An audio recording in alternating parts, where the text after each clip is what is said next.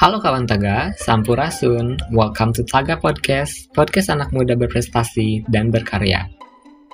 Ini adalah podcast episode ketiga persembahan dari Purwakarta Bangga yang berjudul Gen Z Pemuda Bisa Apa?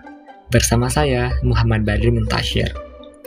Well, kawan Taga, orang-orang yang disebut sebagai generasi Z adalah mereka yang lahir pada rentang tahun 1996 sampai 2010 generasi Z kerap kali disebut sebagai I generation atau generasi internet. Hal ini tentunya dikarenakan kita selaku generasi Z memang lahir di zaman kemajuan teknologi. Ya, betul sekali. Generasi Z sudah bisa melakukan berbagai hal hanya dengan bermodalkan telepon seluler. Mulai dari berkomunikasi, belanja, bahkan sampai melakukan pembayaran cashless atau non-tunai. Hidup di zaman yang serba canggih, generasi Z memiliki karakteristik yang secara garis besar membedakannya dengan generasi lain. Generasi Z dikenal fasih teknologi, suka berkomunikasi, dan berpemikiran terbuka serta toleran. Kita mungkin sering mendengar orang tua kita bercerita tentang masa mudanya, di mana ketika mereka ingin bersekolah, mereka harus melewati gunung, lembah, hutan belantara, dan bahkan samudra. Ya, masa muda orang tua kita juga belum mengenal smartphone, apalagi Twitter dan Instagram. Sedangkan kita yang hidup di era ini sudah bisa melihat bagaimana kehidupan di negara lain hanya dengan berselancar di media sosial. Betul? Hmm, kalau dipikir-pikir, Gen Z ini hidupnya enak banget ya kawan tegak. Eits, tapi tunggu dulu. Kehidupan yang serba mudah sudah sepaket dengan tantangan yang besar di masa depan nanti loh kawan taga.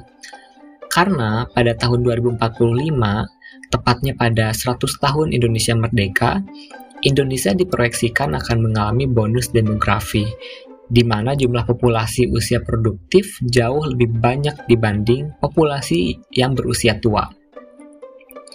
Di tahun 2045, kita, generasi Z, adalah bagian dari mereka yang diharapkan mampu menjadi tulang punggung negara yang memiliki berbagai keahlian untuk bisa bersaing dengan masyarakat global. Lalu apa aja sih keahlian yang dibutuhkan oleh Gen Z?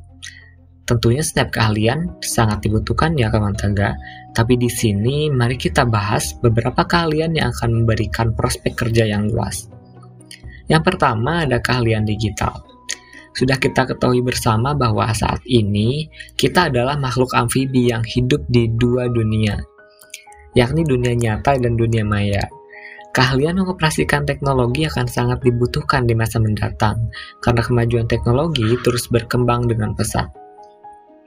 Yang kedua ada kemampuan berkomunikasi.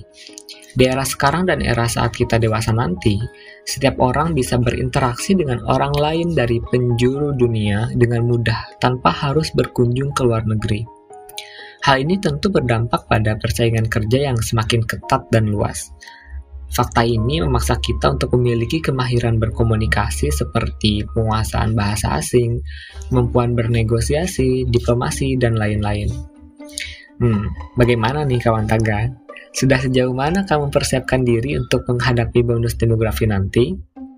Persiapkan dirimu dengan baik ya.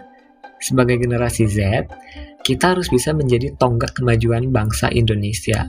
Karena jika bukan kita, siapa lagi? Dan kalau bukan kita, ya gak ada lagi. Seperti yang diungkapkan Soekarno, beri aku sepuluh pemuda, maka akan kuguncang dunia. Kawan Taga, apakah kamu salah satu pemuda yang dimaksud Soekarno itu? Katakan ya, aku pemuda, aku berprestasi, dan berkarya. Impressive. Terakhir, tetap singgah dan betah dalam Taga Podcast ini ya. Podcast anak muda berprestasi dan berkarya.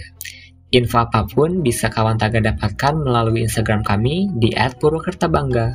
See you next time. Sampurasun.